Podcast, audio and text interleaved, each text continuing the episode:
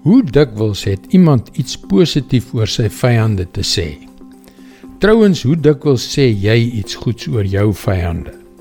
Ek skat nie so gereeld nie. Dis nie omdat ek jou wil beskuldig nie. Dit is maar hoe ons is, nê. Hallo, ek is Jockey Gouchee vir Bernie Diamond en welkom weer by Vars. Christene hou daarvan om die woord seën baie te gebruik. Almal wil tog God se seën ontvang nie waar nie. Een van die Griekse woorde wat in die Nuwe Testament vir seën gebruik word, is eulogia. Dit beteken om goed te praat van iemand of om iemand te prys, soos ons sien in 'n lofrede by 'n begrafnis. En dit is daardie woord wat in hierdie Bybelversie voorkom. Romeine 12 vers 14. Seën julle vervolgers. Ja, seën hulle. Moet hulle nie vervloek nie. Vanuit God se perspektief vorm die beginsel om goed te praat van jou vyande en om hulle te seën 'n een eenheid. Die keuse om jou vyande te seën is iets wat in die hart begin. Die Ure het 'n pragtige seëngroet wat so lui: Mag die pad jou tegemoet kom. Mag die wind altyd van agter kom. Mag die son warm op jou gesig skyn.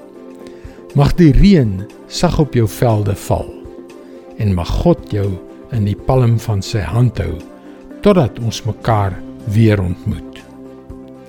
Stel jou voor dat jy in jou hart met jou woorde, in jou dade en in jou gebede daardie seën oor jou vyande uitspreek.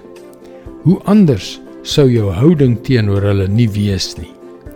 Hoeveel meer vrede en vreugde sal jy nie in jou lewe hê nie. Hoeveel genesing sal dit nie in jou verhouding met hulle bring nie.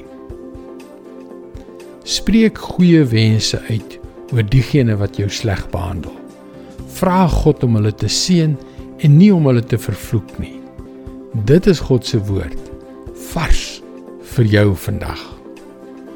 Ons kan nie verander hoe ons vyande teenoor ons optree nie, maar ons kan ons houding en ons optrede teenoor hulle verander.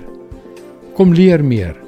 Besoek gerus ons webwerf varsvandag.co.za vir toegang tot nog boodskappe van Bernie Diamond.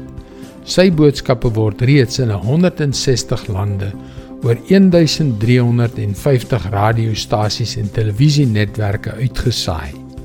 Skakel weer môre op dieselfde tyd op jou gunstelingstasie in. Mooi loop.